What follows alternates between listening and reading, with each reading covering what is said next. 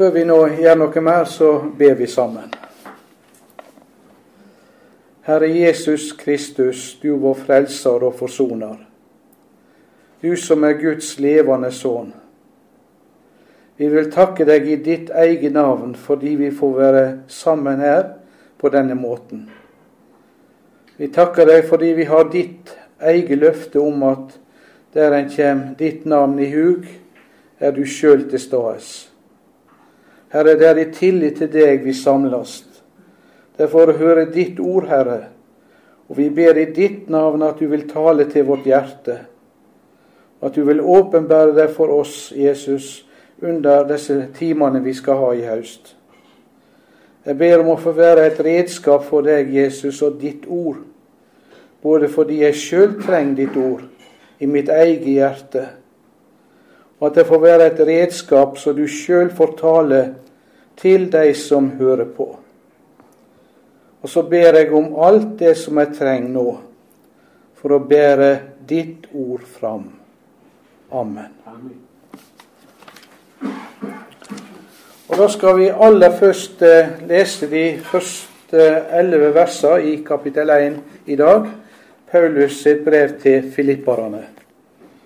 Og Jeg bruker i utgangspunktet Norsk bibel, nynorsk omsetting, 1994. Eh, Men i løpet av denne timen så kommer jeg innom flere omsetninger, og det må jeg av ulike grunner. Men eh, Filippabrevet kapittel 1 vers 1-11. Paulus og Timotius, Kristi Jesu tjenere, til alle de hellige i Kristus Jesus som er i Filippi, sammen med tilsynsmenn og tjenere for kirkelyen. Nåde være med dykk, og fred fra Gud vår Far og Herren Jesus Kristus. Jeg takker min Gud så ofte som jeg tenker på dykk. Alltid når jeg ber, gjør jeg min bønn for dykk alle med glede. For fra første dagen og like til nå har de hatt samfunn med meg i arbeidet for evangeliet. Og jeg er fullt viss på dette, at Han som tok til meg god gjerning i dykk, vil fullføre henne heid fram til Jesu Kristi dag. Det er bare rett at jeg tenker slik om dykk alle, fordi jeg ber dykk, ber dykk i hjertet mitt for de står sammen med meg i nåden, både når jeg er i lekker, og når jeg forsvarer og stadfester evangeliet. For Gud er mitt vitne på hvordan jeg lengter etter dykk alle med Kristi Jesu hjertelag. Og dette ber jeg om, at kjærleiken dykkar må verta mer og mer rik på kunnskap og all innsikt, slik at de kan dømme om hva som er rett i de ymse spørsmåla, så de kan stå reine og uten lyte til Kristi dag, fylt av rettferdsfrukt ved Jesus Kristus, Gud til lov og ære. Amen.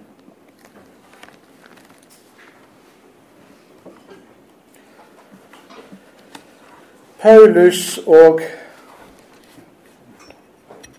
Paulus og Timotius Først et par ord om de som har skrevet dette brevet.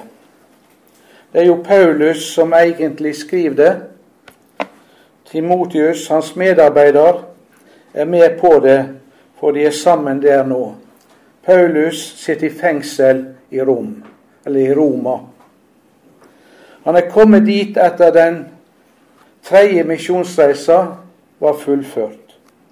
Vi ser i Romabrevet kapittel 15, fra vers 14 og utover, at Paulus nå ved slutten av den tredje misjonsreisa eh, er i Korint, og så skal han reise opp til Jerusalem med ei gåve som er samla inn i Makedonia og Akaya, til de fattige blant de kristne i Jerusalem. Hellas, bare en liten parentes, Hellas på Paulus' tid var jo styrt av romerne, og de hadde delt Hellas inn i to hovedprovinser, Makedonia i nord og Akaya i sør. Vel, når han så har lagt denne gåva i hendene deres, sier han, så vil han reise videre til Rom og deretter vestover til Spania. Etter å ha vært ei tid i Rom og nytt godt av samværet med de kristne der, vil han få følge av noen av dem til Spania. Nå gikk det ikke akkurat på den måten. Paulus var for så vidt forberedt på at det ikke skulle komme til å gå slik heller. Vi leser om de apostelgjerningene at Paulus sier at Den hellige ande vitner for meg i by etter by at trengsel og bånd venter meg når jeg kommer til Jerusalem. At det vitner i by etter by, betyr at det er kristne brød som sier det til han. Og dette som de kristne brødrene sier til han, at når du kommer til Jerusalem, Paulus, så kommer du i trengsel, og du vil nok også bli tatt til fange.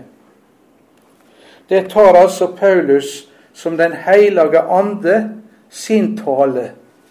Så at han sier altså at det er Den hellige ande som vitner for han i by etter by. Og det kommer da gjennom truende brød sitt vitnesbyrd. Det gikk også slik, og for å si det ganske kort, så måtte han innanke sin sak for keiseren i Rom. Ikke av personlige grunner, men for evangeliet sin skyld så måtte han gjøre det. Han kunne også gjøre det fordi han var romersk statsborger. Både han og Silas som var med ham.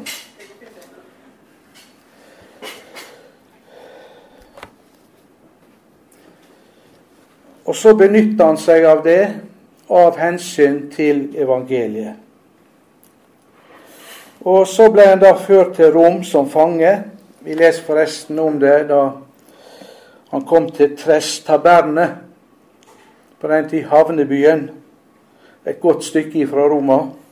Han kom til Trestaberne som fange, og da kom det en del brød ned fra Rom for å møte Paulus. Og Da står det om Paulus at han så brødrene. Da fatta han mot. Det viser at motet var ikke alltid så høyt hos Paulus heller, han som er trua sin apostel. Troens apostel. Han som nettopp var det vi ville kalle en modig mann. Vel, han følte det ikke så godt Paulus bestandig. Det kan du være sikker på. Han kom nå i fengsel og i vansker. Og hans sak den var ennå ikke avgjort.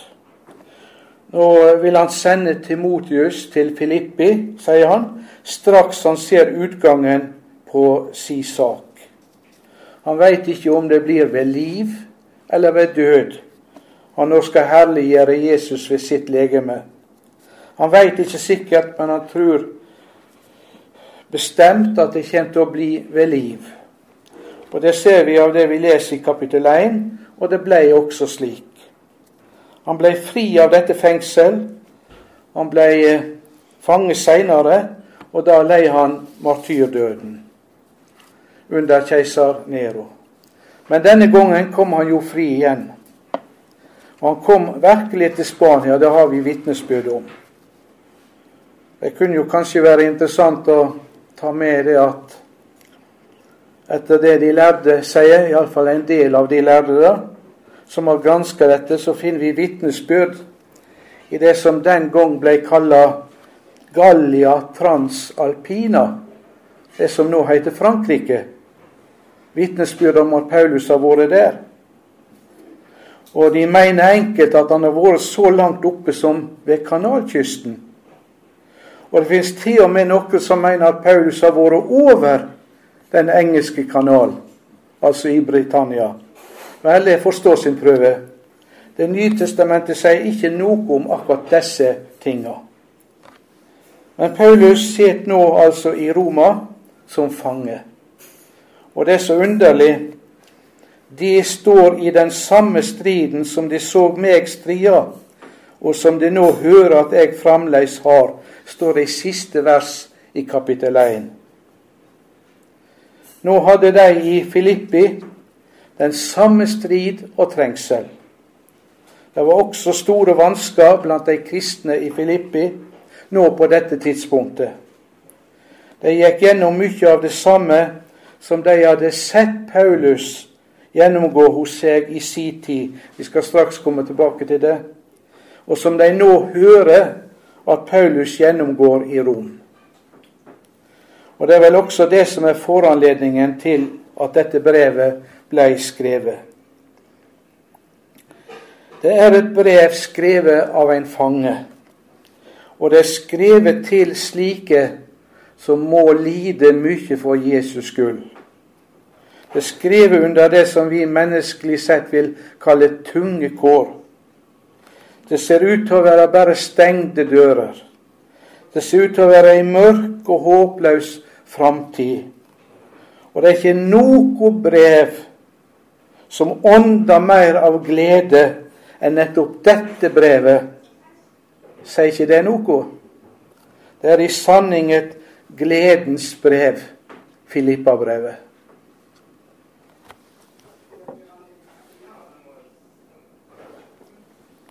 Det kan eh, være verdt å se litt på hvordan det var da Paulus kom første gang til Filippi. Og Det leser vi om i apostelgjerningene kapittel 16. Nå har vi ikke tid til å lese det her, men du kan gjerne slå opp. Men eh, det er ikke nødvendig å lese det. Jeg skal gjenfortelle litt av det som skjer der. Du finner det i kapittel 16, vers 11-40 i apostelgjerningene.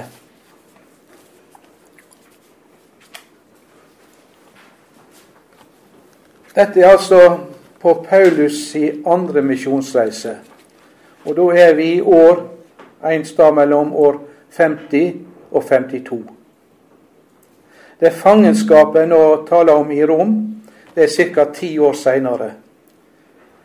Eh, der satt han i fangenskap fra 60 til 62. Og da er dette brevet skrevet antagelig mellom våren 61 og 62. Så det er ti års forskjell. Men på sin andre misjonsreise så kommer Paulus sammen med Silas da til Filippi. Og der på sabbatsdagen så går de ned til ei elv, og de begynner å tale til de som er samla der, kanskje mest jøder. Der er det bl.a. ei purpurkremmerske som heter Lydia. Hun er fra Tyatira i Lille-Asia, altså dagens Vest-Tyrkia. Tyatira var forresten kjent for sin purpurindustri i oldtida. Hun har tydeligvis drevet ei god forretning, og etter alt å dømme, og etter alt å dømme vært ei velstående kvinne. Paulus skriver om henne at hun gav akt på det som ble, det som ble sagt da Paulus forkynte evangeliet. Og Den hellige ande åpna hjertet hennes. Hun kom til trua, hun ble frelst, hun ble døpt. Det ser ikke ut til at Paulus venta svært lenge med å døype de, med å døype de som ble frelst. De oppfatta visst nokså hurtig den kunnskap de trong å få, ettersom Paulus så på det iallfall. Det kan være verdt å tenke på det òg. Vel, hun sa at Paulus og Silas måtte komme og bo i hennes hus. Og det gjorde de da også. Og så gikk de hver dag ned til denne staden, der de var samla og forkynte Guds ord der. Det var ei kvinne der med ei spådomsånd. Og Hun begynte å rope etter dem og kalle dem for eh, Saulus og, og, eh, Paulus og Silas. Begynte å kalle dem for tjenere for den høgste Gud, som kom og forkynte frelse. Og Dette vekte i oppsikt da hun ropte det etter dem. Og Da det hadde gjentatt seg noen dager, så driver Paulus denne ånd, spådomsånd, ut av henne. Og dermed mister jo hun den spådomsånda. Og dermed kunne hun ikke lenger være til inntekt for de som eide henne. Det var noen som hadde stor inntekt av denne kvinna av at hun hadde ei spådomsånd. Og de mista den inntekta, og anklager naturligvis Paulus og Silas for myndighetene i byen som noen særskilt farlige oppviglere. Her kom de med noe som ingen kunne skjønne seg på, og noe som ingen hadde hørt før, og som var ytterst farlig. Og myndighetene de tok affære med en gang og kasta dem i fengsel. Etter at de først var blitt piska, slått, fått mange slag med kjepper. Det er veldig ordknapt framstilt, men det har sikkert gått ganske voldsomt for seg. For de ble sett i det innerste fangehullet, lenka til veggen og med føttene i stokken, så der satt de forsvarlig. Og disse her innredningene som de hadde, stokken som de hadde, når du var, fikk plassert beina inn i den, så kunne du verken ligge eller sitte uten med forferdelige smerter. Vel, det gikk ei stund, så hører folk at her sitter jo disse to og synger Gud lovsanger i fengselet i Filippi. Paulus og Silas. Og midt på natta så kjem det et jordskjelv. Boltene falt ut av veggen, og lenkene løsna. Og det som føttene var festa i, det spratt opp og de kunne gå som de ville. Og da fangevokteren våkna og skjønte at fengselsportene også hadde sprunget opp, og at fangene var fri, så drog han sitt sverd og ville drepe seg. Men da er det at Paulus roper til ham, gjør deg ingenting, vi er her alle. Ingen hadde rømt. Og Dette gjorde et veldig inntrykk på denne fangevokteren. Han tok de ut og prøvde å stelle med de, Og så spør han, hva skal jeg gjøre for at jeg kan bli frelst? sier han. Paulus svarer, og det er der det kjente ordet kommer inn. Tru på den Herre Jesus, så skal du bli frelst, du og ditt hus. Og så ble det sørga godt for deg, og så kom det bud fra myndighetene at de skulle være fri. Men da svarte Paulus det. Nei, nå kan de pent komme sjøl og sette oss fri. Vi er romerske borgere. De har satt oss i fengsel uten lov og dom, og de har de ikke lov til. Og da ble de redde, disse øvrighetspersonene, da de hørte det at det var romerske borgere. For det hadde de ikke visst. Og det var ei svært alvorlig sak både å piske og å sette romerske borgere i fengsel uten lov og dom. Og så kom disse her da med pene ord og ville naturligvis unnskylde det hele. Og så ba de de reise fra byen. Jeg veit ikke hva slags ord de har brukt akkurat i denne anledning, disse øvrighetspersonene. Men i våre dager pleier en vel å si det at det hele var jo ei misforståing. Om de har sagt det den gangen, det veit vi ikke. Men det har vel vært noe slikt. Hvor mye sjølerkjenning det var i det, det er vel uvisst. Men det førte iallfall til at Paulus og Silas da drog derifra og videre på si misjonsreise. Paulus hadde ganske stor trengsel gjennom dette. Og det har ikke vært lett menneskelig sett. Selv om det er nokså ordknapt skildra, og utgangen på det ble god denne gangen, tross alt, så var det en hard medfart han hadde fått. Og Det er dette han hentyder til når han sier der på slutten av kapittel 1 Det i Filippi har nå den samme trengsel som de så på meg. De hadde jo vært vitne til dette som skjedde der i Filippi, og nå hører om meg. Nå har altså nå har han altså denne trengsel ved at han sitter i fengsel i Rom. Og Derfra skriver Paulus altså dette brevet, og nå må vi gå direkte til bibelteksten i vers 1.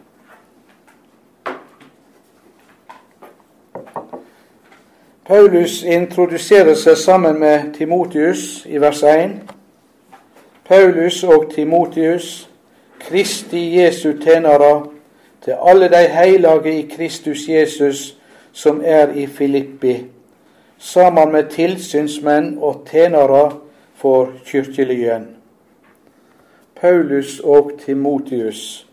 Det er jo Paulus da som egentlig skriver det. Kristi Jesu tjenere, står det i omsetninga i vers 1. Det står ikke det på gresk. Der står det treller. Kristi Jesu treller. Ordet for trell på gresk det er dulos, og i flertall duloi. Nå er det et ord for tjener også, som heter diakonos, og som er brukt her i ordet, nemlig for menighetstjener eller tjener for kirkelyen. Det er kanskje omsett også med diakon i enkelte omsetninger. Det ordet tjener, diakonos, kan ikke brukes om et menneske sitt gudsforhold. Ordet diakon kan ikke brukes om den tjeneste en kristen gjør overfor Gud. Det er et ord som passer i vår tjeneste overfor våre medmennesker og våre medkristne. Da kan vi bruke ordet diakon, og skal bruke det. Da kan vi bruke ordet tjener, men merk dere at ordet tjener kan vi ikke bruke overfor Gud. Nå er det i vers 1 omsett slik Kristi Jesu tjenere. Jeg veit ikke hvorfor. Det står Kristi Jesu treller. Og hva betyr det? Det betyr Jesu Kristi eiendom. Det betyr at vi er kjøpt av Kristus for å tilhøre Han. Og vi blir eid av Kristus som hans personlige eiendom, og at vi dermed er Guds personlige eiendom på en særskilt måte. I Efeserbrevet, både i kapittel 1 vers 13 og i kapittel 4 vers 30, så står det noe underlig om de truende. Det står at de har fått Den hellige ande til segl, eller til innsegl. De som tror på Jesus, har fått Den hellige ande til segl. Innsegl. Det er et underlig ord. Altså det å ha Guds ande i sitt hjerte, det er det samme som at Gud har stempla meg som sin eiendom. Vi har ikke så mye som kan hjelpe tanken, men i gamle dager så var det jo sånn at vi skulle sende ting. Så fikk vi Postverkets stempel. Det var noe viktig vi skulle sende. Og så sette de sitt stempel på det. Og så skulle de være ansvarlig for innholdet, og at det kom rett fram. Vel, er bare et svakt bilde. Når det heter at Gud har sett sitt innsegl på oss, så betyr det han er ansvarlig for deg og meg. Og det er en rikdom å være Guds eiendom. Dette at jeg, tar, at dette at jeg tilhører Gud. Og Det nye testamentet taler mye om det, og det gamle òg. Er du klar over at dette er samtidig den sterkeste kallsbevissthet som en kristen kan ha? Jeg er Guds eiendom. Jesus eier meg. Jeg tilhører ikke meg sjøl. Mitt liv, det er Guds. Og det er noe så stort, noe så ufattelig, og noe så rikt. Og dette er altså den sterkeste kallsbevissthet en kristen kan ha. Det betyr er vi Herrens eiendom, står vi også til Hans disposisjon. Da er det Han, og ikke vi, som bestemmer over vårt liv. Og da har Herren tanker og planer for vårt liv, alle sammen. Like sikkert som du er Jesu Kristi eiendom, så, og han eier deg, så har han sine tanker og planer med deg som han vil gjennomføre. Og når Herren da får bruke oss, så kommer det til å vise seg at han på alle måter er ansvarlig for oss. På alle måter drar han omsorg for oss og tar vare på sin eiendom. Alt som møter meg, alt som angår meg i livet, vel, da er det Herrens eiendom, det òg. Og nær sagt, jeg vet ikke hvor, hvor, hvor personlig det skal være, men altså om du da får en sykdom, blir rammet av det, eller ei ulykke, eller hva som helst du kommer ut for, så skal du som Jesu Kristi eiendom vite da er det også Herrens eiendom, denne sykdommen, denne ulykka, eller hva det er nå som du er oppi. Uansett. Du ser ikke veien framover. Ja, men da er det Herrens eiendom, det. At du ikke ser veien framover. Han ser det, og han veit hva han skal gjøre. Så det er en ufattelig rikdom som jeg nesten ikke veit hvordan jeg skal uttrykke det, men jeg antyder litt av det. Det er iallfall slik apostelen presenterer seg og introduserer seg i sine brev. Jesu Kristi trell. Jesu Kristi tjener er det omsett. Men du skjønner at når vi omsetter med tjener, så kommer jo ikke dette fram. En tjener er ikke hans eiendom som han er i tjeneste hos, men det er trellen. Jeg er Guds eiendom, det er Jesus som eier meg, og for Paulus er jo det hans store ære og hans store ros. Han er Jesu Kristi trell. Kristi Jesu treller, det sier de Paulus og Timotius, og det er som slike de skriver dette brevet. Og det sier jo litt om hvem som egentlig er autoritet, også for og bak dette brevet.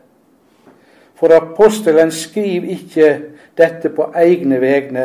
Han skriver fordi at det er Herrens vilje at han skal skrive det. Og Det betyr at når vi nå skal være sammen om Filippa-brevet, så er det Jesu tale, det er Jesu syn, og det er Jesu mening vi får høre om når vi leser Filippa-brevet. Det er Jesu egen personlige tale til oss gjennom sin apostel. Og så skriver han til alle de hellige i Kristus Jesus som er i Filippi. Når ordet heilag eller hellig blir brukt om mennesket, så betyr det å være i samfunn med Gud. Det betyr ikke å være innvigd til Gud, som noen sier. Det er når det blir brukt om ting, det. Når ordet heilag blir brukt om ting, så betyr det utskilt fra verslig og innvidd til Guds bruk. Når det blir brukt om mennesker, så betyr det de er i samfunn med Gud ved Jesus Kristus. Og vi er hellige fordi Jesus har kjøpt oss fri fra våre synder med sitt blod. Og jeg veit ikke noe som sier det så umiddelbart og så klart som Kolossabrevet 1, vers 21-23. Vi skal heller ikke lese det, men jeg viser til det. Kolossabrevet 1, 21-23. Der leser vi at vi er framstilt for Guds åsyn heilage, nettopp som slike som tilhører Gud. Ulastelige. Gud har ikke noe å utsette på oss. Ustraffelige det er ikke noe som skal straffes. Straffa lå på Han. Dette har skjedd ved Jesus. Det skjedde én gang for alle da Jesus døde for våre synder på korset. Vi er kjøpt fri fra alt det vi er, alt det vi har gjort. Og merk deg alt det du kjenner, det du føler, det du har, det du har lyst til etter ditt gamle menneske, som ligger der hele tida og kan gjøre seg gjeldende på et øyeblikk, før du vet ordet av det. Din vonde vilje, hva du enn måtte være, kjenne, føle, ha i deg sjøl. Du er allerede kjøpt fri i Jesus. Og for Gud er du som i deg sjøl slett ikke er syndfri ennå, framstilt heilag, ulastelig og ustraffelig for hans åsyn, så sant du blir ved i trua og ikke lar deg rokke bort fra det håp som evangeliet gir. Apostelen skriver altså til alle de hellige i Kristus Jesus som er i Filippi, sammen med tilsynsmenn og tjenere for kirkelyen. Brevet er skrevet til slike som er i Kristus, og som da bor i Filippi, og som apostelen, som du skjønner, står i et ganske særskilt forhold til. Ikke minst pga. det som står i apostelgjerningene 16, som vi nettopp var innom. Og Han skriver da til de som er tilsynsmenn, eller menighetsforstandere, altså lederne i kirkelyen, og til tjenerne i kirkelyen, til diakonene, de som har sine særlige verv innan kyrkjelyen. Så kommer ei helsing da i vers 2. Og av vers 1 og 2 ser vi at skjema for brevskriving i oldtida, det er avsender først, så adresse, og så ei helsing. Slik begynte de sine brev. Slik begynner også apostelen Paulus sine brev vanligvis. Avsenderen først, Paulus og Timotius, Kristi Jesu tjenere. Så adressa til alle de hellige i Kristus Jesus som er i Filippi, sammen med tilsynsmenn og tjenere for kirkelyen. Og så helsing, som vi nå kommer til i vers 2. Nåde være med dykk, og fred fra Gud vår Far og Herren Jesus Kristus. Dette er ikke bare ord. Vi ser det dessverre ofte som pene ord, som gode ord, når velsigninga blir lyst over ei forsamling. Det er noe mye mer enn som så etter Guds eget ord. Det er en realitet. Den apostoliske velsigninga har det felles med den aronittiske velsigninga at den legger Guds navn på folket, som Gud kaller det. Såleis skal de legge Guds navn på mitt folk Israel, ble det sagt i 4. Mosebok 6, og så i vers 24-26. Herren velsigne deg og bevare deg. Herren la sitt ansikt lyse over deg og være deg nådig. Herren løfte sitt åsyn på deg og gi deg fred. Den fullstendige form for den apostoliske velsigning lyder slik. Vår Herre Jesu Kristi nåde, Guds kjærleik og Den heilage Andens samfunn være med dykk alle, eller være med dykk. Du hører i begge tilfeller at det er en treklang. Tre ganger. Herren, Herren, Herren. I Det gamle testamentet. Og Faderen og Sønnen og Den hellige ande i Det nye testamentet. Og Gud kaller det å legge Guds navn på folket. Den apostoliske velsigninga kommer igjen i litt variert form hos apostelen Paulus i hans brev f.eks. slik som her i vers 2. Men i virkeligheten inneholder det det samme som den apostoliske velsigninga og som den aronittiske velsigninga i Fjerde Mosebok. Også dette, slik vi møter den her i dette brevet og i andre brev, er det å legge Guds navn på de som brevet blir skrevet til, og alle framtidige lesere. Gjennom denne helsinga får vi en helsing fra Herren sjøl til oss personlig når vi leste, og når jeg siterer det her. Det dreier seg altså ikke om pene ord, men om at vi mottar det som disse ordene sier. Vi mottar det. Et spørsmål i den forbindelse er det riktig å lyse velsigninger over ei forsamling der det er mange verdslige mennesker. Det spørsmålet har jeg fått. Og det gjaldt jo iallfall i en del situasjoner der jeg var prest i en norske kirke, så kunne jo det skje. Gjelder ikke den bare de som tror på Jesus? Er det ikke bare de mennesker som tar imot Guds ord, som kan få del i velsigninga? Og det vil jeg svare ja til. Det er bare de som tar imot Guds ord, og som er åpne for Guds ord, som virkelig kan få del i velsigninga. Og likevel er det riktig å lyse den over ei forsamling. Jesus sier til sine, til sine apostler at når de kommer inn i et hus, skal de lyse Guds fred over huset. Og det er et kortfatta uttrykk for velsigninga, det. Og hvis huset er det verd, sier Jesus, så kommer den frien til å bli over det huset og de mennesker som er der. Hvis huset ikke er det verd, kommer den til å vende tilbake til den som uttaler velsigninga. Og det skjer også i dag. Det er Herrens mening at dette skal sies, at dette skal lyde. Men det er framfor alt Hans mening at vi skal si takk. Takk, Herre.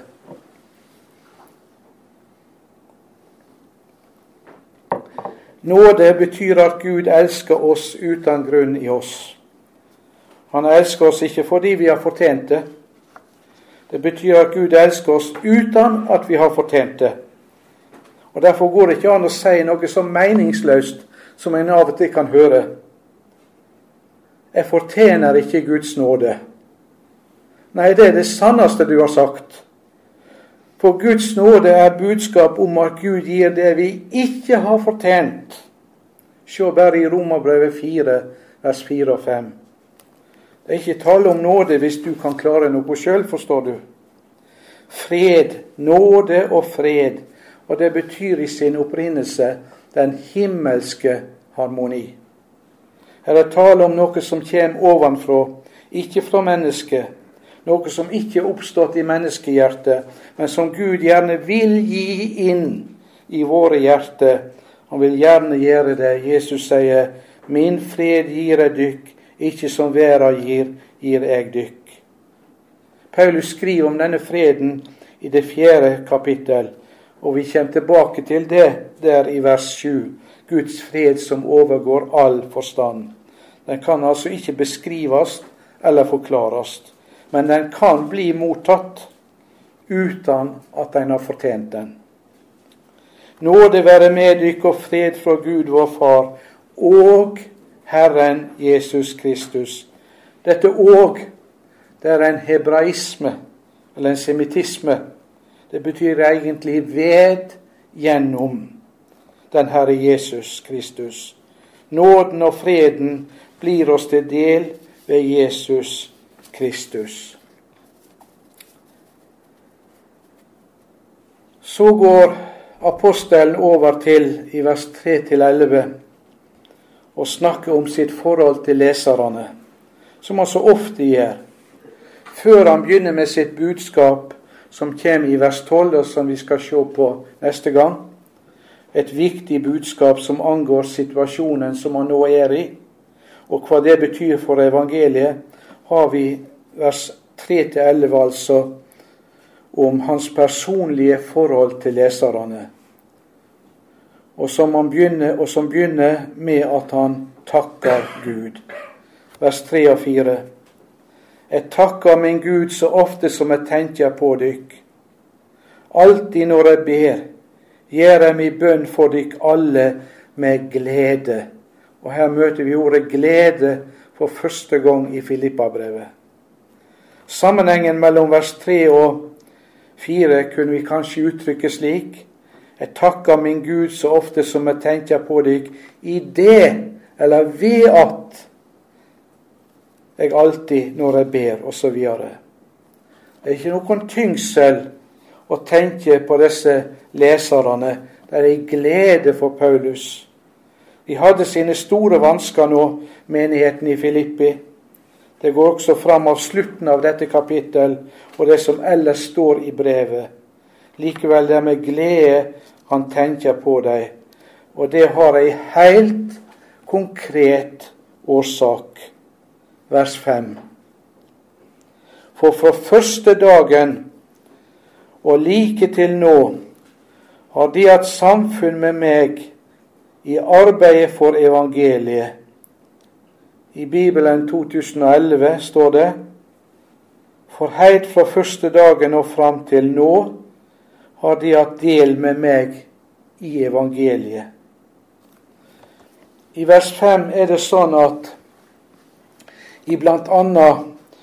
Eh, eldre omsetninger, ikke bare eldre, så står det på grunn av deres samfunn med meg i arbeidet for evangeliet. Det er vel kanskje noen som har ei slik omsetning. Og det er, et, det er et innskudd når det står 'i arbeidet for'. For det står nemlig ikke på gresk. Det som blir sagt her, det er på grunn av deres samfunn med meg i evangeliet. Det er det som står bokstavelig. Norsk bibel, den reviderte bokmål fra 2007, på grunn av deres samfunn i evangeliet. Og Det der er veldig viktig å være klar over. Men forskjellen er ikke så stor likevel som en skulle tro. Poenget når det står slik eh, 'uten i arbeidet for', så er det nettopp det at evangeliet er det som skaper det kristne fellesskap. Det er evangeliet som skaper egenskapen, enheten, mellom de truende. Det er ikke kjærleiken som skaper dette. Den er ei frukt av trua. Evangeliet er trua sin grunn. Og det er det som er trua sin grunn, som også skaper alt annet godt mellom de truende. Så Paulus understreker her altså dette med den egenskap eller enhet som er i evangeliet, og som er helt særegen i forhold til menigheten i Filippi. Men eh, likevel tror jeg at de gamle bibelomsetterne har sett noe her, og som altså godt visste hva grunnteksten sier, og som likevel valgte å ta med dette innskuddet i arbeidet for. Før jeg sier litt mer om det, skal jeg ta et lite eksempel fra Det nye testamentet, der han har valgt å beholde et innskudd som ikke står på den greske grunnteksten. Hvis du nå kaster et lite blikk på Romerbrevet 1.1. Romerbrevet 1.1. I omsetninga lyder det at Paulus er utvalgt til å forkynne Guds evangelium. Men i grunnteksten står det bare 'utvalgt' eller 'utkåra' til Guds evangelium. Ordet 'forkynne' er altså et innskudd. Og det er satt til av en bestemt grunn, nemlig at evangeliet er et budskap. Evangeliet er et muntlig ord. Og det viktigste ved et budskap er jo å forkynne det. Derfor er det satt til. Forkynninga var det også i høy grad selve hovedsaka for apostelen Paulus. Men om vi nå sier 'utvalgt til Guds evangelium', så må vi vel si at det er sterkere enn om vi omsetter 'utvalgt til å forkynne Guds evangelium'. For når jeg sier 'utvalgt til Guds evangelium', så får vi fram at hele Pauli liv og tilværelse tilhører evangeliet. Han ikke bare forkynner det, men han simpelthen lever og er til for evangeliet.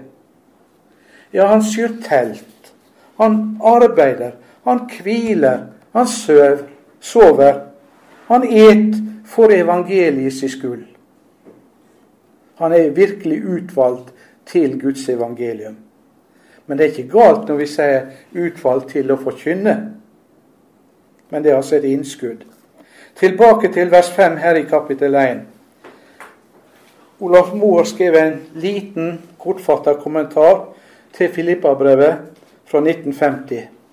Og han argumenterer for at samfunnet i arbeidet for evangeliet, at det bør stå der. For det får fram det som også er en viktig sak i dette brevet, nemlig at evangeliet omfatter ikke bare evangeliets innhold, men også forkynninga av det. Det vi kaller evangelisasjon. Evangeliet er ikke en stillestående, men bevegelig ting, sier han.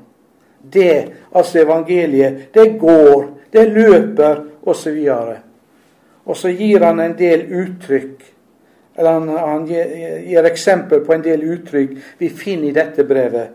Hør bare i 1.12 har ført til framgang for evangeliet. I 2.22 har stått sammen med meg i tjenester for evangeliet. 4.3. De har strid med meg i evangeliet. Eller 4.15 i den første tida evangeliet kom til dykk. Slik er det også her i 1.5, sier Olaf Moe.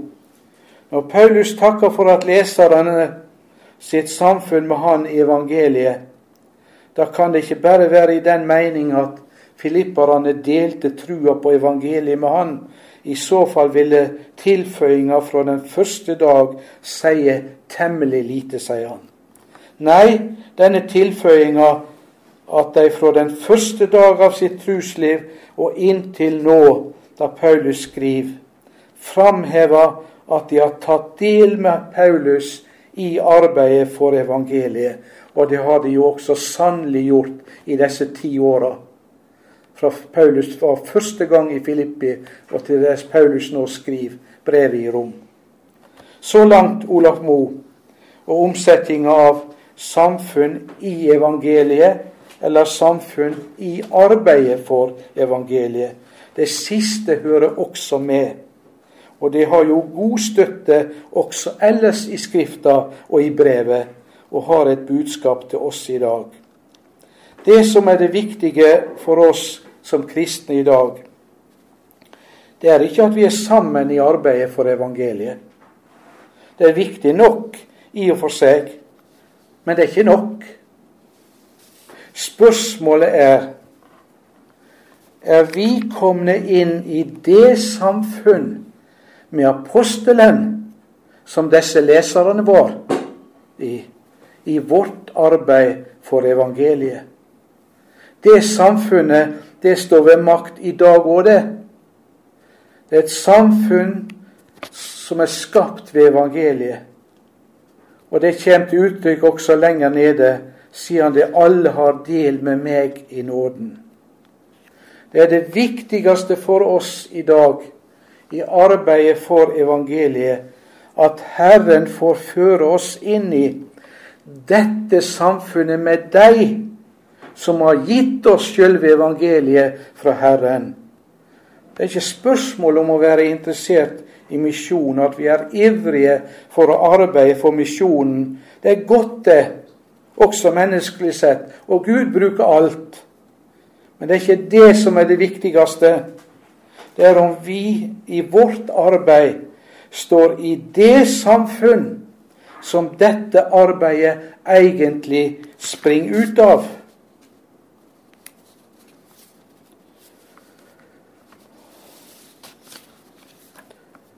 Eller skulle si det på en litt annen måte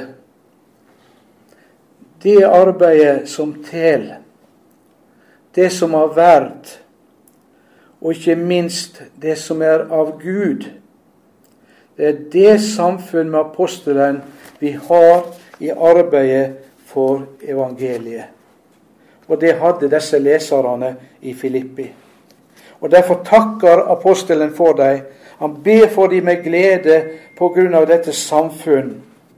De er ett med Paulus i evangeliet bakom denne gjerning de står i. Og Derfor var det så om å gjøre også for disse kristne i Filippi å få være med og utbre evangeliet. De kristne i Filippi har like forbindelsen av Allerede fra da Paulus dro ut fra Filippi på den andre misjonsreisa og videre, så har de vært særlig ivrige for at evangeliet det skulle ut til alle mennesker. Derfor sier Paulus fra den første dag inntil nå. Det kommer av de har sett noe, de er kommet i samfunn med apostelen i evangeliet. Og Det er dette samfunnet i evangeliet som er det egentlige spørsmål også for oss i dag. Vi har kristne mennesker i dag som står i dette samfunnet på en særlig måte. Og de er alltid kjernen i kristent arbeid.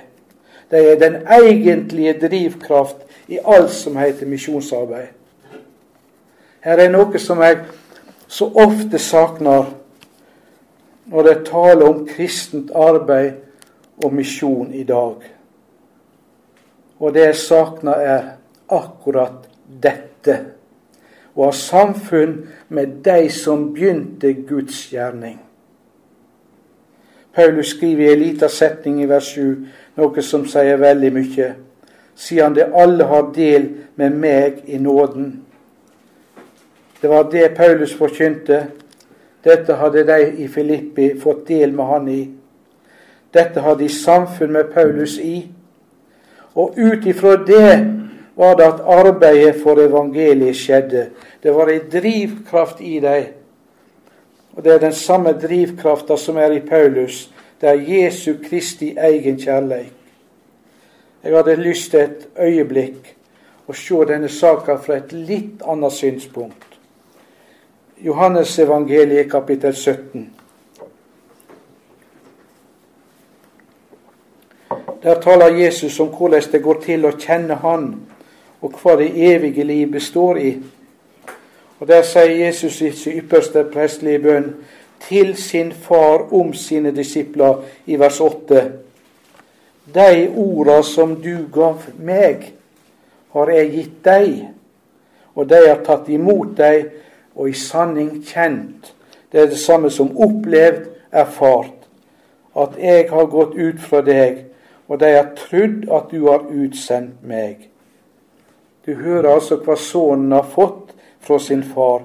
De ord som du gav meg, sier Jesus til sin himmelske far, har jeg gitt deg, altså sine disipler, og de har tatt imot dem.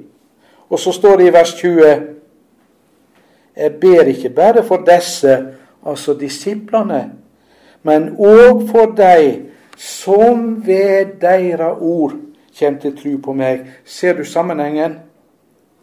Jesus taler om det han har sett hos sin far.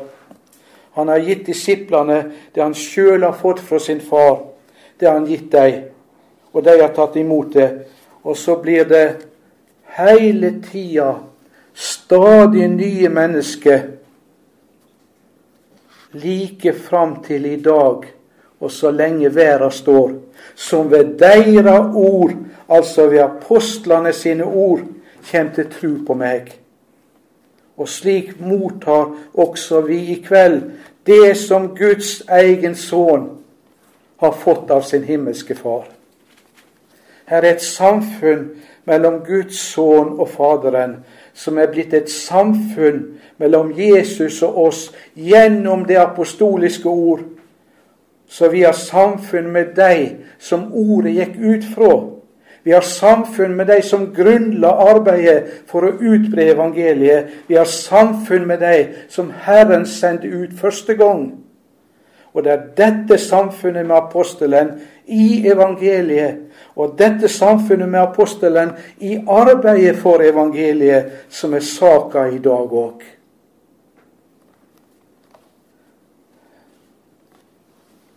vers 6. Dette er det altså apostelen tenker på, og som gjør at han med glede ber for alle. Og så kommer det da ei overbevisning som er gitt han av Gud i vers 6. Og jeg er fullt viss på dette, at Han som tok til meg god gjerning i dykk, vil fullføre den heilt fram til Kristi til Jesu Kristi dag. Dette med utbreiinga av evangeliet, det er i høy grad ei hjertesak for apostelen. Det er jo hans apostelkall, dette. Og nå sier han et underlig ord her. Og jeg er fullt viss på dette, at han som tok til med, eller begynte ei god gjerning i dykk, i dere Dette ordet må betones. Han som begynte ei god gjerning i dykk. Samtidig betyr den preposisjonen på gresk også blant dykk. Og begge deler i og blant skal være med. Vi skal ikke plukke ut den ene. Begge deler er med samtidig. Han som begynte i dykk, han som begynte blant dykk, han kommer til å fullføre den gjerninga. Nå er vi vant til at dette ordet taler om Guds gjerning i oss som kristne. Og det er ikke galt, det. Vi har full rett til å tale om den. Og vi har ord om den gjerning som Jesus gjør i oss som kristne, i høy grad i Filippabrevet. Og i kapittel 2 f.eks. så er det jo likefram sagt at han verker i oss både å ville og virke til hans velbehag. Det står i 2.13. Så når det taler om Guds gjerning i en kristen, og at Gud vil fullføre sin gjerning i sine truende, så er det bibelsk å tale om det. Og det er det vi også er vant til å høre forkynt ut fra Filippabrevet 1,6. Og jeg vil ikke motsi det på noen måte. Og allikevel er det ikke først og fremst det Paulus framhever her. Det han vil framheve, er at han som gjør dette i dykk og blant dykk, han har tenkt å fullføre den gjerninga, nemlig utover hele verden. Han stopper ikke med dykk, med andre ord. Det er det han er viss på. Han som begynte med dykk, og blant dykk, han stopper ikke der. Han kommer til å fortsette denne gjerninga utover hele jorda inntil hans dag er der. Det er tanken. Så her er det tale om misjon. Og så ser de at så er også vi i vårt arbeid kommet inn i denne gjerninga som skal gå sin gang helt fram til Jesu Kristi dag. Og det er ingen og ingenting som kan stanse denne Herrens gjerning. Og Dette siste skulle jeg jo gjerne sagt mer om, men det kan jeg ikke nå. Jeg får prøve å bli ferdig med det jeg hadde tenkt i kveld. Så fortsetter apostelen da i vers 7. Det er bare rett at jeg tenker slik om dykk alle, fordi jeg ber dykk i mitt hjerte. De står i ei særstilling, disse som han skriver til av det han har opplevd sammen med deg da evangeliet kom til deg. Jeg ber dykk i mitt hjerte, både når jeg er i lenker. Da Paulus kom dit, så ble han jo kasta i fengsel for evangeliets skyld. Nå sitter han atter i fengsel for evangeliets skyld. Og de lenkene som apostelen ber, er et vitnesbyrd om den gjerning som han utfører. Og det kommer vi tilbake til litt lenger nede i kapittelet neste gang, så jeg sier ikke mer om det nå. Disse lenkene er et vitnesbyrd. Og likedan kommer han dem i hug. Han ber dem i sitt hjerte når han forsvarer og stadfester evangeliet.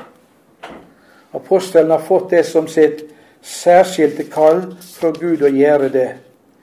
Og det går også fram av et ord litt lenger nede i kapitlet, så det vil jeg komme tilbake til der. Jeg bare nevner det nå. Han forsvarer, han stadfester evangeliet, og grunnen til dette er siden det alle har del med meg i nåden.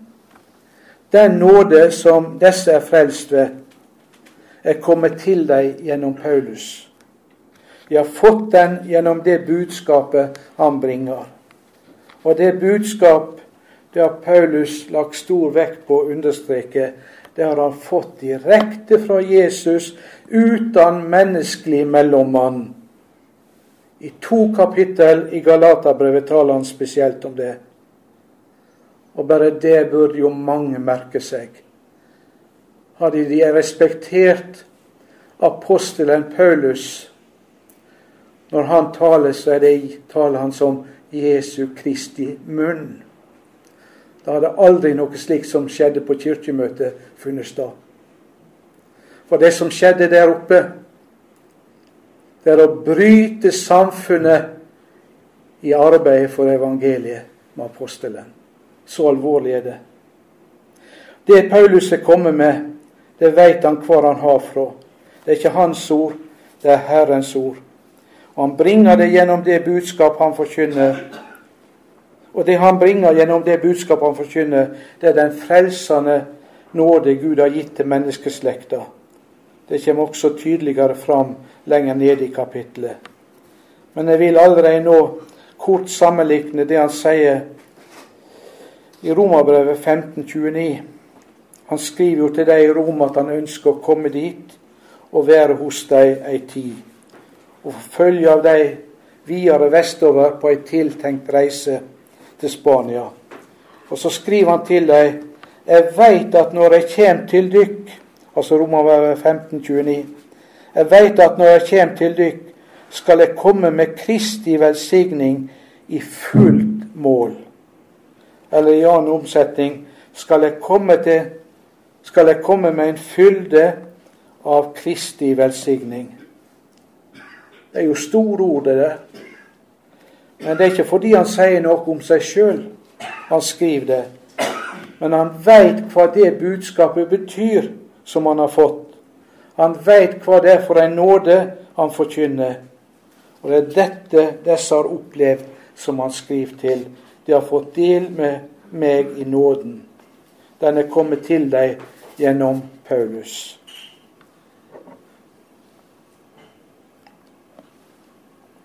Og så hører vi da i vers 8 hva for omsorg han har for deg, hva for hjertelag han har. Gud er mitt vitne på, sier han, hvordan jeg lengter etter dykk alle med Kristi Jesu hjertelag. Han understreker sterkt at det er ikke hans naturlige menneske. Det er ikke hans medfødte egenskaper som det dreier seg om. Det er Jesus i han. Det er et hjertelag som er født av Gud, og som han understreker så sterkt, ikke minst i kapittel 2.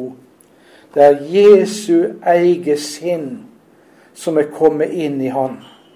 Og det skal vi også prøve å stanse for når vi kommer litt lenger ut i brevet. Det høres så Jeg kan nesten si eventyrlig ut å kunne si dette. Jeg lengter etter dykk med Kristi Jesu hjertelag. Ja, men ser du ikke da hvem det er som bor i Paulus sitt hjerte? Det ikke, og det er ikke uoppnåelig for oss. Det beror ikke på oss sjøl, det beror ganske enkelt på at vi ser og hører mottar og trur det budskapet vi får om Jesus. Og du skal merke det at du får ikke bare del i nåden og syndenes forlatelse og det evige liv i den forstand, men det ord som du tror på, det skaper et nytt sinn inni deg sjøl, og det skjer framleis i dag. Du får et hjertelag, du får ei omsorg som ikke er naturlig for deg, men som er født av Gud ei omsorg som du ikke kan ta deg til og ikke kan prestere, og som likevel nettopp kommer inn i hjertet. Jesus vil leve sitt liv i og gjennom oss. Og det er hans vilje at vi skal regne med dette. Ikke at vi skal bli mer lik Jesus, men at han skal leve sitt liv i og gjennom oss. Jeg tror det er Olav Valen Sensa som sier en sammenheng om dette her. Skal du oppleve Jesus i deg, så må du lære å se deg sjøl i Kristus, i Ordet, i det han har gjort for deg. Så nevner apostelen at han ber for sine lesere, vers 9. Og dette ber jeg om at kjærleiken dykker. Han regner med at den har de, fordi nemlig de har fått del med Han i nåden Derfor har de denne kjærleiken. Det er ikke noen prestasjon fra lesernes side, men det er noe de har fått gjennom budskapet som de har mottatt. Så ber han om at denne kjærleiken må bli mer og mer rik på kunnskap og all innsikt. Der er det litt forskjellige omsetninger i våre bibelutgaver, men stort sett har de kunnskap og all innsikt, eller ja ser at eh, Bibelen 2011 har innsikt og dømmekraft, men nynorsk har dømmekraft og innsikt. Jeg skjønner ikke hvorfor de har bytta det, men det går også tilbake til den nynorske bokmålsutgava i 1978-85. Der hadde også nynorsk dømmekraft først, mens bokmål hadde dømmekraft til slutt. Så der eh, får de svaret for det, de som er ansvarlige. Men uansett, det første står epignosis, kunnskap. Og det er altså en kunnskap som Guds ord gir. Og så står det all innsikt eh, i Bibelen, Guds ord. Nå er det kommet en nynorsk utgave av Det nye testamentet og salmene. Den tror jeg er veldig god. Der står det erkjenning og all evne til å skjelne all evne til å skjelne.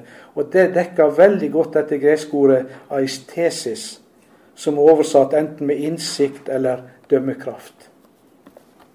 For dette all innsikt, eller all skjønnsomhet, som det heter før, eller dømmekraft, det betyr evne altså til å skjelne mellom de forskjellige ting, slik som vi får den gjennom Guds ord. Den innsikt, den forstand, til å skjelne og til å bedømme ting som Guds ord gir oss. Det er det Bibelen kaller innsikt. Evna til å forstå seg på ting, altså. Og hensikta med det blir også nevnt i vers 10. For at det, eller slik at de kan dømme om hva som er rett i de ymse spørsmåla, eller kan dømme om de forskjellige ting. Nå er det så mange ting som møter oss som kristne her i verden. Mange åndsretninger og mange som gir seg av med å forkynne Guds ord. Og så er det ikke Guds ord, men etterlikninger. Det var slik også på apostelens tid. Det var falske apostler. Det var falske åndsretninger. Det var mange ting som så veldig åndelig ut og fint ut menneskelig sett. Derfor er det nødvendig å kunne skjelne og forstå hva som skjer omkring en. Og kunne forstå hva som er Guds ord, og hva som ikke er Guds ord. Og det er det som ligger bakom uttrykket at de må kunne dømme om de forskjellige ting. Og det der er veldig aktuelt i dag. Det er mange slags forkynning i dag. Og mange åndsretninger. Og så mye som foregår blant kristne mennesker og i kristne forsamlinger, som blir utgitt for å være så nødvendig for oss og så er det tvert om farlig. Vi trenger nemlig evner til å dømme om de forskjellige ting. Og den kan vi bare få i Bibelen og ingen andre steder. Dette ber apostelen, apostelen om for deg. Og vi skal få lov å be om det for oss sjøl også, så de kan stå reine og uten lyte eller uten anstøt eller ulastelige til Kristi dag. At en ikke skal gli ut. At en ikke skal komme inn i en kristendom som er oppblanda med det som ikke hører kristendom til, altså. Ordet som er brukt for rein, det er et sterkt ord. Det betyr egentlig det som tåler sola sin prøve. Det som har bestått soltesten. Det er blitt prøvd ved at en har hallet det opp mot lyset, mot sollyset. Og så er det konstatert at det var ikke noe ureint i det. Vel, det er enda sterkere her. Dette var den konkrete betydning. At de kan stå reine eller være reine, det betyr at vi skal få ha det Guds ord gir oss. Vi har det gamle mennesket i oss, og det blir aldri bedre. Og vi er ikke syndfri. Og det er ikke tale om det at vi skulle være syndfri. De var ikke syndfrie, disse som apostelen skriver til heller. Og Det regner han ikke med. Men han regner med det at de lever i, og de lever av. Og det de lever for, Vi kunne vel også si det som de arbeider med i Guds rike. Det er Guds ord uten oppblanding av det mennesket vil føre inn i det. Og da blir de uten anstøt. Og da blir det Guds gjerning i deg og gjennom deg. Og så er vi framme ved vers 11. Fylte av rettferdsfrukt ved Jesus Kristus, Gud til lov og ære. Og Det er jo det Jesus taler om også i Johannes 15. Den som blir i Han, i Han blir også Jesus. Den som blir i meg, og jeg i Han, han ber mye frukt. Jeg las litt av vers 5 i Johannes 15. Det er det apostelen Paulus har i tankene. Jeg er ganske sikker på han har dette ordet av Jesus i tanken når han skriver dette. Fylt av rettferdsfrukt som blir virka ved Jesus Kristus, Gud til lov og ære. Og akkurat det sier også Jesus i Johannes 15, vers 8. Du skal merke det verset. Far min vært herliggjort ved dette at de ber mye frukt. Og de skal bli mine disipler. Dette bli, det betyr ikke eh, at, at de skal bli kristne, men at de skal vise seg som hans disipler. De skal vise seg som det som de på forhånd er, nemlig slike som hører Jesus til. Det viser seg i den frukta som de ber. Og den kommer av ei eneste årsak, og det er at Jesus bor i dem. Og Dette ber apostelen om. Og han legger stor vekt på det, som du ser i vers 9. Dette ber jeg om. Og Dette stemmer også med det Jesus sier i Johannes 15, vers 16. Merk det òg. De har ikke utvalgt meg, sier han til sine disipler, men jeg har utvalgt dykk og sett dykk til å gå ut og bære frukt. Frukt som varer, for at Faderen skal gi dykk alt det ber han om i mitt navn. Og Det der er altså ei bønn som Jesus har sagt vi skal få be aldeles ubetinga, og være helt sikre på at den bønna, den blir hørt. Det kommer vi til å få. Vi skal få be om alt det vi trenger for å bære den frukt som Jesus har sett oss til å gå ut og bære. Det skal vi få be om, og det kommer han til å høre. Og det er ikke minst dette Jesu løfte apostelen har i tanken når han gang på gang understreker dette ber jeg om for dykk. Og det sier oss litt om hva innstilling det er vi skal ha her i verden. Hvorfor lever vi her? Det er for at Jesus skal bli kjent. Hensikten med vårt liv det er at Gud skal bli æra. Slik er det altså apostelen taler om sitt forhold til leserne. Det er i virkeligheten Jesu eget forhold til oss som også kommer til uttrykk i Paulus sitt forhold til leserne. Og jeg spør igjen ser du hvem som bor i Paulus sitt hjerte? Hugo Ordberg sier at i grunnen kan frukt karakteriseres med et eneste ord Jesus. Det som kommer fra Han og går til Han, er den rette frukt.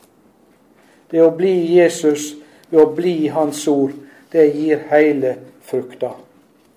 Det er Jesu eget sinn som gjennom oss skal få møte våre medmennesker. Og helt til slutt du må være klar over én ting. At dette sinn som karakteriserer en kristen, det gjør et menneske liten i seg sjøl. En får små tanker om seg sjøl og ønsker ikke sjøl å være noe. En blir redd for seg sjøl, redd for alt som kommer fra vårt gamle menneske, fra vår syndige, medfødte natur, som aldri blir bedre inntil jeg er kvitt den i grava. eller Jesus kommer igjen. Men derfor så må jeg også ha Jesus. Og det sier Søren Kirkegård. En kristen sin fullkommenhet her på jord, det er å være avhengig av Jesus. Ære være Faderen og Sønnen og Den hellige Ande, som var og er og være skal en sann Gud fra evig og til evig. Amen.